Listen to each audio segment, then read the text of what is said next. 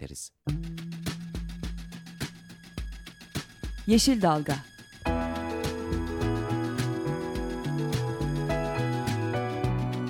Çevre mücadeleleri üzerine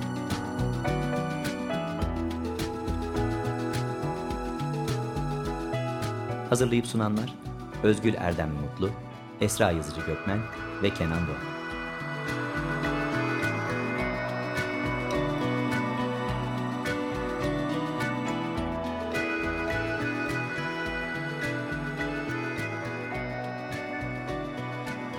Yeşil Dalga programına katkılarından dolayı Willow Pompa Sistemlerine teşekkür ederiz. Tema Vakfı tarafından hazırlanıp sunulan Yeşil Dalga programında sizlerle birlikteyiz. Bugün e, Özlem Katısöz'le birlikte e, radyo programımızı sunuyoruz. Stüdyomuzda bizle birlikte Özlem'de. E, konuğumuz ise Ege Üniversitesi Hidrobiyoloji Anabilim Dalı'ndan doktorant Kutsal Kesici. Kutsal Hoca'ya birazdan telefonla bağlanacağız. Ve kendisiyle Bafa Gölü ile ilgili e, gerçekleştirdiği çok önemli çalışmalar var. Bu çalışmaları konuşacağız. Gölün e, neden önemli bu çalışmalar yapılıyor, son durum nedir? E, bunun gibi önemli konuları konuşacağız. Ama öncesinde her hafta olduğu gibi e, öne çıkan haberlerimize bakalım ve istiyoruz ki bu hafta iyi haberlerimiz var. Ne kadar güzel ki iyi haberlerimizle başlayalım. Evet iyi haberlerimiz bu sefer kömürle ilgili. Kömürle genelde e, kömürle ilgili haberlerimiz kötü olurdu ama bu hafta güzel haberlerimiz var gerçekten. Birincisi Karaman'dan birinci iyi haberimiz. E, bildiğiniz gibi e, Konya'nın güneydoğusu Karaman'ın da kuzeyine denk gelen e, bölgede Karapınar Ayrancı Ereğli'de e, büyük bir e, lignit rezervinin tespit edilmesinden sonra burada bir açık ocak kömür madenciliği ve 5800 megawattlık büyük bir termik santral tesisinin kurulması e, planlanıyordu. Bununla ilgili de e, ilk aşamada tabii kömür madenciliği ile ilgili açık ocak kömür işletmesinin açılması ile ilgili izin, ruhsat, çet e, süreçleri başlamıştı. E, sahalardan biri için Çevre Şehircilik Bakanlığı ÇED e, raporunu e, onaylamıştı, olum, olumlu karar vermişti. E, Tema Vakfı e, olarak biz dava açtık ÇED'in iptali için. E, onun bizim dışımızda başka örgütler e, bölgeden, Karaman'dan, çiftçiler, vatandaşlar da dava açmıştı. E, açılan vatandaş davaları için mah, e, mah, e, davalarından bir tanesi için mahkeme yürütmeyi durdurma e, karar vermişti. Geçtiğimiz hafta içinde mahkeme karar e, iptal kararını verdi. Nihai Bu karar çok verdi. evet nihai karar verdi. Çok önemli bir ve çok olumlu bir gelişme. E, umuyoruz ki bu bölgedeki bu kömürle ilgili planlarından projelerinden vazgeçecektir idare bu kararların kesinleşmesiyle. Çünkü başka çet süreçleri de devam ediyor. Bu kararın onlar için de emsal olmasını umuyoruz. Ee, diğer iyi haberimiz de yurt dışından e, kömürle ilgili o, oldukça yoğun yatırımları olan e, büyük bir emeklilik fonu olan Norveç e, Emeklilik Fonu kömürle ilgili yatırımlardan çekilme kararı aldı. Daha doğrusu e, mecliste bir tasarı olarak gündeme geldi. E, tasarı onaylandı. E, mecliste de tekrar oylanacak ama büyük parti iki büyük parti tarafından desteklendiği için bu karar e, kesin gözüyle bakılıyor. Şimdi Norveç emeklilik fonu niye önemli diye e, soranlar olabilir. Fon e, çok büyük bir fon ve küresel düzeyde şirketlerin yüzde bir nokta üçü gibi bir e, oranda şirket e, sahibi, fonlara sahip şirketlerde. E, ve 900 milyar e, dolar büyüklükte de bir fon. E, fonun yaklaşık 11 milyar dolarlık bir kömür yatırımı olduğu e, biliniyor ve bu kararla e, mecliste gündeme gelen bu kararla da e, yarısının çekileceği bu fonun 11 milyarlık fonun yarısının kömürden çekileceği e, hesaplanıyor. Dolayısıyla e, önemli bir karar. Gerekçe de aslında çarpıcı. Kömürün hem iklim değişikliği hem de ekonomik açıdan büyük risk taşıdığı. O yüzden de bir e, kamu kaynağı olarak fonun kömürden e, yatırımlarını çekmesi gerektiği e, gerekçe olarak da ifade edildi. E, görüldüğü gibi artık hani küresel ölçekte de kömürün e, hem ekonomik etkileri hem de iklim değişikliği, insan ve çevre sağlığına olan etkileri oldukça gündemde ve bunların e, gelecek içinde e, büyük bedeller ödeyeceği bize açık ve hani küresel ölçekte de aslında ifade ediliyor. E, kömür e, yatırımlarından artık küresel kömür yatırımında küresel düzeyde bir düşüş eğilimi de söz konusu. Umuyoruz ki ülkemizdeki e, kömürle ilgili planlar projelerde en e, kısa zamanda sonlanır. Umuyoruz ama e, şimdi kötü haberlere geçince iyi haberlerimiz kömürle ilgiliydi. Kötü haberimiz de kömürle ilgili maalesef. E, Çanakkale'de iki tane kömürlü termik santralle ilgili olarak ÇED olumlu karar verildi. Bunlardan biri mevcut bir termik santralin kapasitesi art, kapasite arttırımına yönelik. Diğeri ise e, sıfırdan yeni bir termik santral için. E, ikisi de kömürlü e, termik santraller e, ve hemen ÇED olumlu kararları çıkar çıkmaz hukuki e, süreçler de başlatıldı. E, bir tanesine Tema Vakfı olarak e, dava açtık. Kapasite arttırımı ile ilgili olan ÇED olumlu kararının iptali için de Çanakkale Çevre Platformu dava açtı. E, bakalım bu davaları da e, büyük bir heyecanla takip ediyor olacağız. Ee, bir diğer haberimiz de e, İstanbul'da e, İstanbul'la ilgili Beykoz Ormanı'nla ilgili. E, bundan yaklaşık iki sene önce Beykoz Ormanı'nda bir konut yapılması talebi İstanbul Büyükşehir Belediyesi tarafından reddedilmişti. Gerekçe de söz konusu alanın çevresel sürdürülebilirlik açısından kritik öneme sahip alanda kalması nedeniyle ve etrafının ormanlık ve tarım arazileriyle çevrili olması nedeniyle e, bu konut talebi reddedilmişti. Şimdi e, yine aynı alan olduğu e, belirtiliyor yetkililer tarafından. E, Çevre Şehircilik Bakanlığı bu alana yönelik özel eğitim e, alanı e, talebiyle ilgili bir imar planı değişikliğini onayladı. E, bu değişiklik şu an askıda 19 Haziran'a kadar e, Çevre Şehir, İstanbul İl Çevre Şehircilik Müdürlüğü'nden e, bu plan incelenebilir. E, dolayısıyla tüm e, ilgili e, her vatandaşın bu planı aslında bir bakıp incelemesi gerektiğini düşünüyoruz. Çünkü İstanbul'un ormanları e, gittikçe azalıyor yeşil alanlarımız, ormanlık alanlarımız. E, zaten 3. köprü ve 3. havalimanı e, çok büyük bir tahribata neden oluyor. Dolayısıyla bu konudaki her tür gelişmeyi yakından takip etmek hepimizin e, görevi diye düşünüyoruz. Aynen öyle. İtiraz etme şansı da var değil mi? Evet 19 Herkesin. Haziran'a kadar e, bu plana e, gerekçeleriyle birlikte e, itiraz edilebilir. E, valiliğe ya da il çevre şehircilik, e, il çevre şehircilik müdürlüğüne itirazlar verilebilir. Ee, güzel, iyi ve kötü haberlerimizden sonra umuyoruz önümüzdeki haftalarda daha çok iyi, iyi haberimiz olur. Ee, şimdi hattımızda e, Kutsal Kesici hocayla Ege Üniversitesi Hidrobiyoloji Anabilim Dalı'ndan Kutsal Kesici hocayla beraberiz. Ee, kendisi e, Bafa Gölü ile ilgili çalışmalarından dolayı ödülle layık görülmüş bir e, araştırmacı akademisyen. Hoş geldiniz. Merhabalar, iyi yayınlar. Hoş Teşekkür ederiz. Sağ olun e, hidrobiyoloji ana bilim e, dalı dedik. İlk önce belki hidrobiyoloji nedir, hidrobiyolog ne yapar e, gibi en temel 101 sorularıyla başlayabiliriz. Tabii. E, hidrobiyoloji aslında genel anlamıyla bakacak olsa zaten su bilimi olarak e, adlandırılmakta. E, bunu biraz açacak olursak e, su bilimi nedir? İşte denizlerimiz, göllerimiz ya akarsularımız e, gibi çeşitli sulak alanlarımızda yaşayan canlıları ve bu canlıların çevresiyle olan ilişkilerini araştırmaktadır hidrobiyologlardan. Ee, bu anlamda da aslında suyun yani hayatın suyla suda başladığını düşündüğümüzde de aslında çok e, temel bir çalışma alanı olduğunu da söyleyebiliriz sanırım değil mi? Kesinlikle öyle. Yani işte su kalitesi, su canlıları. Mesela biz neler çalışıyoruz Bafa Gölü'nde? E, omurgalı omurgasız canlılar, fitoplanktonlar, zooplanktonlar. E, fitoplanktonlardan bahsedecek olursak e, birçoğumuzun bilgisi vardır. Birçoğumuzda fitoplanktonun olduğunu hakkında aslında çok bilgimiz yoktur ancak soluduğumuz havadan bile fitoplanktonlar sorumludur. Yani dünyadaki oksijenin %60'ından %70'inden fitoplanktonlar sorumludur. En basit. Peki hocam şimdi Bafa Gölü dediniz zaten Bafa Gölü'nü konuşacağız. Önce isterseniz size de şey şunu soralım. Bafa Gölü neden önemli? Yani burada çok siz de çok e, önemli çalışmalar yürütüyorsunuz. Neden bu alanı seçtiniz? Bir önemi var mı? Türkiye açısından e, değerlendirirsek ne diyebiliriz? Şimdi Bafa Gölü'nün aslında tarihsel gelişimine bakacak olursak e, Bafa Gölü bundan 2000 yıl kadar önce e, denizle bağlantılıydı Ege Denizi ile. Lakmos Körfezi olarak adlandırılıyordu. E, Büyük Menderes Nehri'nin taşıdığı alüvyonlarla denizle bağlantısı kesildi ve Orta Çağ son, sonlarına doğru e, göl halini aldı. Büyük Menderes e, Bafa Gölü beslenen en büyük su kaynağı olduğu için gölün bir kısmı tatlı su özelliğinde bir kısmı da acı su özelliğindeydi. Bu açıdan da hem denizsel canlıları hem tatlı su organizmalarını e, barındıran ekolojik çeşitliliğin çok fazla olduğu bir göldü. Evet, ee, tarihsel gelişimi bu açıdan çok önemli. Hatta e, Bafa Gölü'ne gidip incelemelerde bulunduğunuz zaman suyun altında çeşitli antik şehirlerin olduğunu, bu antik şehir kalıntılarının su yüzeyindeki adalarda hala e, gözlemlenmekte olduğunu görmektesiniz. Hı hı. En büyük tarihsel e, önemi budur. Ekolojik özelliklerden bahsedecek olursak Bafa Gölü'nde e, çok önemli bir göç yolunda bulunmakta. Yani çok e, çeşitli su kuşları bulunmakta burada. Mesela kaşıkçı kuşu ve ak kuyruklu kartal.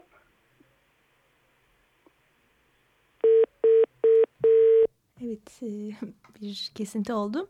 E, tekrar aslında hocamıza bağlanana kadar bir şarkı arası e, verelim. Midnight Oil'dan River Runs Red'i dinleyelim ve hemen hocamıza bağlanacağız.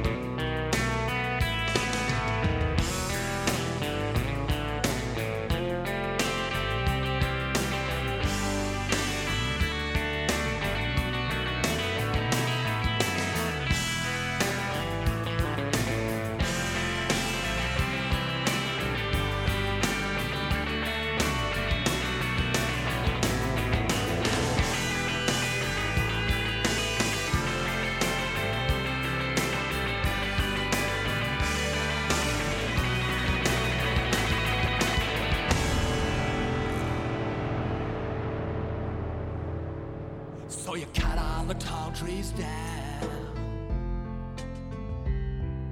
You poison the sky and the sea. You've taken what's good from the ground. But you left precious little for me. You remember the flood and the fall. We remember the light on the hill. There should be enough for us all. But the dollar is driving us still. The river runs red, black rain falls, dust in my hand. Evet, e, Kutsal hocamızla yeniden e, bağlantımızı kurduk. E, kaldığımız evet. yerden e, devam edelim. Evet, ekolojik Tam özelliklerden ekolojik bahsediyoruz. önlemine geçmiştik evet. İşte bahsettiğim nesli tehlike altında olan çok önemli kuşlar var bu Bafa Gölü'nde yaşayan kaşıkçı kuşu ve ak kuyruklu kartallar. Bunların bu bölgede yuvalaması, e, yumurtlaması açısından çok önemli bir alandır. E, balıklardan bahsedecek olursak Saragoza Körfezi'nden göç edip iç sularımıza gelen Anguilla Anguilla bunda nesli tehlike altındadır. Bu da Bafa Gölü'nde veya işte bizim çeşitli iç sularımıza gelip burada beslenen, gelişimini tamamlayan ve eşeysel olgunluğa ulaştıktan sonra tekrar Saragoza Körfezi'ne göç eden önemli bir balık türüdür. Hala bu balıklar görülebiliyor mu hocam e, Bafa Gölü'nde? Gözükü, gözüküyor ancak bundan çok uzak bir zamana gitmeyelim. 10 yıl öncesine gidelim. 10 yıl önce Bafa Gölü'nde yılan balığı şenlikleri düzenleniyordu. E, maalesef şu anda öyle bir şey yapmamız mümkün değil. Çıkan balıklar ne yenebiliyor ne balık tutulabiliyor. E, o şekilde bir durum söz konusu şu anda. Ee, peki Bafa Gölü'nün e, sorun yani kirlilik nedeniyle bu sorunlar yaşanıyor. Nedir e, genel olarak gölün mevcut durumu e, karşı karşıya olduğu sorunlar? Bafa Gölü tabii kirlilikten dolayı kaynaklanıyor bunlar.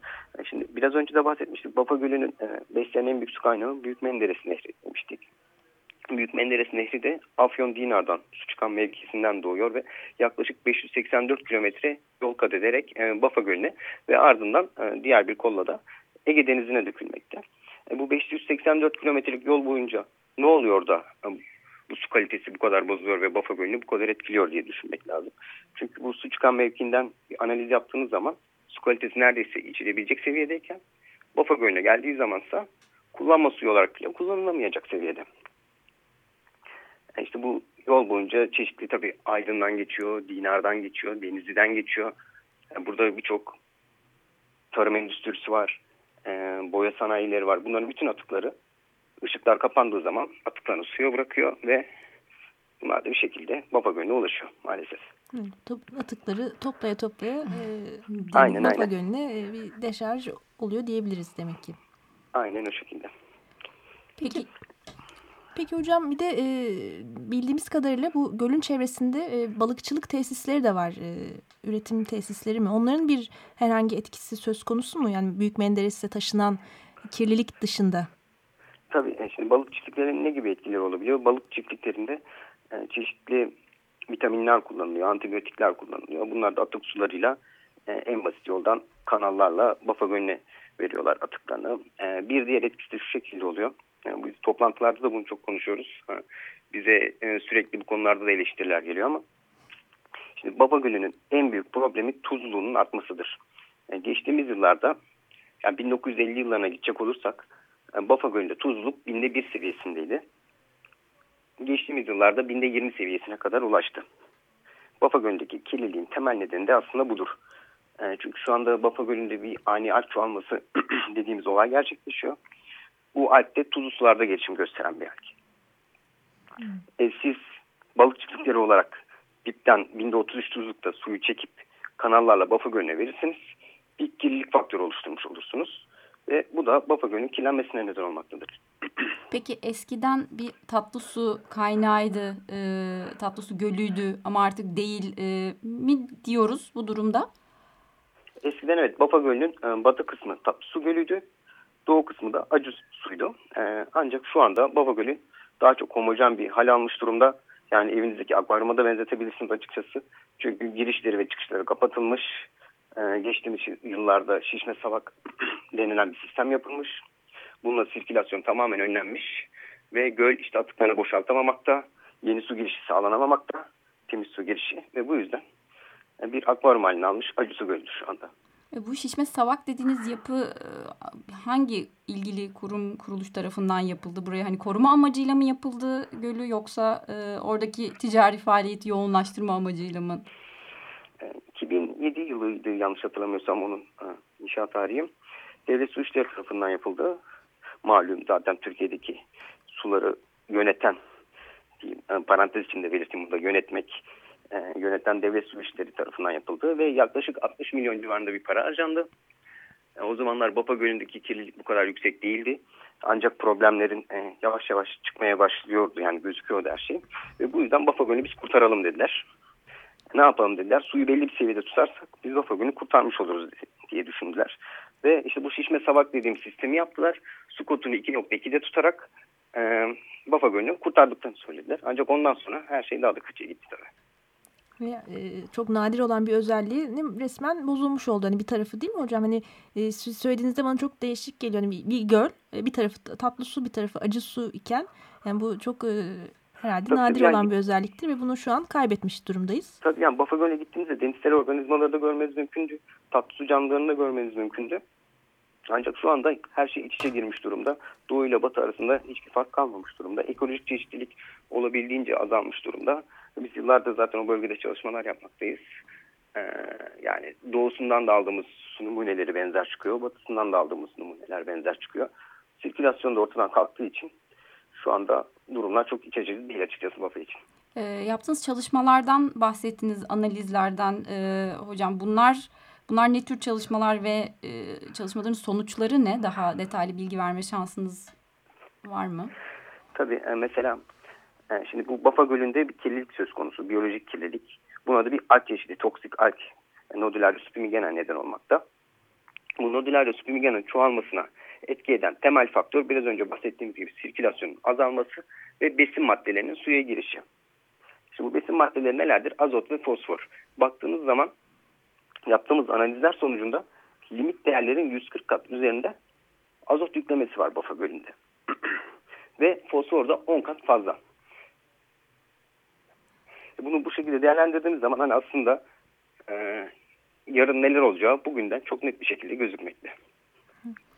Peki hocam bir e, dipnot olarak yani bu toksik alg dediniz hani e, e, nasıl bunu tanımlayacak olursak kısaca Toksik algler zehirli algler olarak adlandırılmakta. Aslında suyun florasında normal şartlarda her mevsim karşılaşabileceğiniz alglerdir. Ancak bunların sayısı belli bir seviyenin üstüne çıktıktan sonra zehir yani toksin yaymaktalar etrafa ve etrafındaki diğer canlıları öldürmekteler ya da bu canlıların bünyesinde birikim yapmaktalar ve toplu balık ölümleri, sucul canlıların ölümü bu yüzden gerçekleşmekte.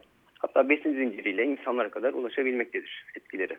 Yani normal şartlarda belli e, düzeylerde olduğu sürece o sucul ekosistemin bir parçası olan e, bu organizmalar belli düzeylerin üzerine çıktığı zaman ve toksik hale geldiği zaman da e, aslında Tabii sistemi bozuyor diyebiliriz değil mi? Bir araya geldikleri zaman ileri belli bir sayının üstüne ulaştığı zaman sinerjik etki yaratıp çevresindeki diğer canlıları öldürüyorlar ve onların yaşam alanını ele geçirerek baskın hale geçiyorlar. Peki hocam e, İşte- buyurun.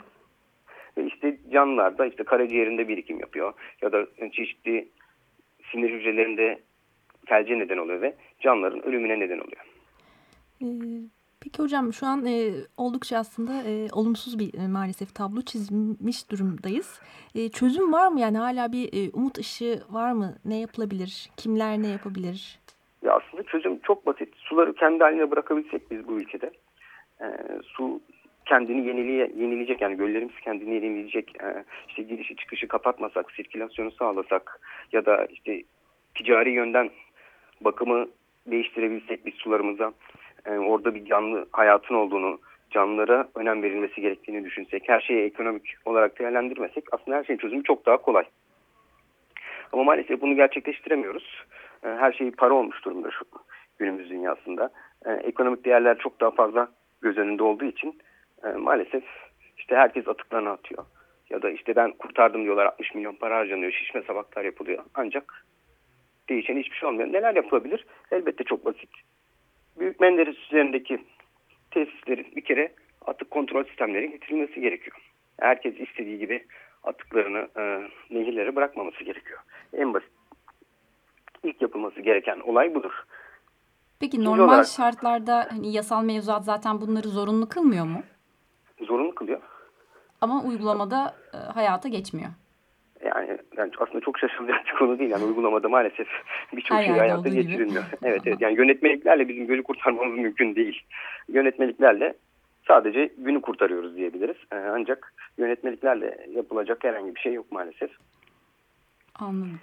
Ee, peki son e, iki dakikamızda hocam bu Bafa Gölü'nün bir e, korunan alan statüsü olduğunu biliyoruz. E, buranın bir hani, korunan alan olmasına Tabii, rağmen bu 1900 sorunlarla karşı karşıya. Neden korunan alanlarımızı koruyamıyoruz? Bununla ilgili belki Ya. bir kısa bir değerlendirme yapabilirseniz. Bafa Gölü 1990, 1989 yılında sit alanı ilan edilmiş. 1994 yılında da tabiat parkı ilan edilmiş. Yani sit alanında bilimsel çalışmalar harici bir çalışmanın yapılması mümkün değildir. Ancak Bafa Gölü'nün kenarında tarım arazileri bulunmakta. Yani göl aynasında, etrafını geçtim, gölün aynasında, sit alanının içinde tarım arazileri var. Bir kere bunun önüne geçemezseniz, e, yani hani sit alanında tarım ne demek? Direkt oraya katliam demek. Çünkü siz tarım alanlarında ne kullanıyorsunuz? Azotlu fosforlu gübreler kullanıyorsunuz, pestisitler kullanıyorsunuz. Bir yağmur yağıyor, tarım arazileri gölle birleşiyor. Bütün atıklar tekrardan gölün içine giriyor. Yani en basit neden bu aslında sit alanlarının gerçekten sit alanı olabilmesi gerekiyor. Bizim doğal alanlarımızı koruyabilmemiz için. Evet, sadece bir e, yasal e, statü, Aynen, e, yasal, dediğiniz yani kalemde. ya da yönetme, yönetmelikler ya da bu, bu tip statüler e, kağıt üzerinde geçerli. E, uygulama yönelik Maalesef. bir adım atılmazsa e, böyle çok önemli varlıklarımızı kaybediyoruz.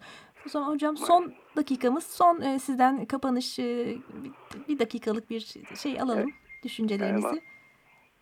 Bafa Gölü dediğiniz gibi her geçen gün e, bu toksik algın çoğalmasıyla gündeme gelmekte. Tehlikeler işte her geçen gün konuşulmakta ne yapılabilir ne edilebilir işte Ankara'da toplantılar düzenlenmekte, Bafa Gölü kenarında toplantılar düzenlenmekte. Ancak e, kesinlikle hiçbir sonuç alınamamakta. Ben size şu açıdan teşekkür etmek istiyorum. Bu sene daha herhangi bir kirlilik söz konusu değil. Yani Bafa Gölü kenarına giderseniz, izlerseniz her şey çok güzel gözüküyor. Medya şu anda bu konudan çok uzak. Bir ay sonra biz e, orada bir kirlilik bekliyoruz. Gene aynı şekilde o zaman gene işte bütün objektifler orada toplanacak. İşte ne yapabiliriz, ne edebiliriz falan gibisinden e, görüşmeler gerçekleşecek. Size duyarlılığınız açısından yani kirlilik oluşmadan en azından böyle bir konuyu gündeme getirdiğiniz için teşekkür etmek istiyorum. Biz teşekkür ediyoruz hocam. E, hem katıldığınız için hem de değerli çalışmalarınız için. Çok Kolay gelsin ediyoruz. diyoruz. Ee, Umarım Bafa için önümüzdeki sene Bafa'nın durumunun iyileştiğine e, yönelik de bir sizinle program yapma şansımız olur. Umarım umarım. İyi çalışmalar diliyorum. Çok teşekkür ederiz. Çok teşekkürler. Ee, kapatmadan önce çok kısa bir duyurumuz var. Ee, 30 Mayıs Cumartesi günü saat 1'de e, Bilgi Üniversitesi Santral'de e, bir e, hazırlık toplantısı yapılacak. İklim Forumu öncesinde birinci hazırlık toplantısı. E, herkesi davet ediyoruz. İklimiçin.org'dan da detaylı bilgileri alabilirsiniz diyerek programımızı kapatıyoruz. Haftaya görüşmek üzere. Hoşçakalın. Hoşçakalın. Yeşil Dalga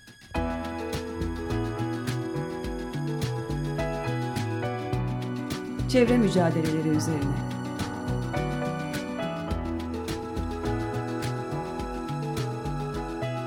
Hazırlayıp sunanlar Özgül Erdem Mutlu, Esra Yazıcı Gökmen ve Kenan Doğan.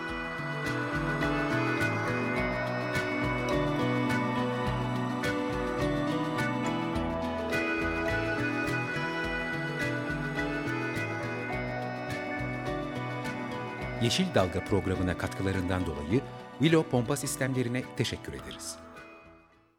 Desteği için Açık Radyo dinleyicisi Nergis Yazgan'a teşekkür ederiz. Thank you.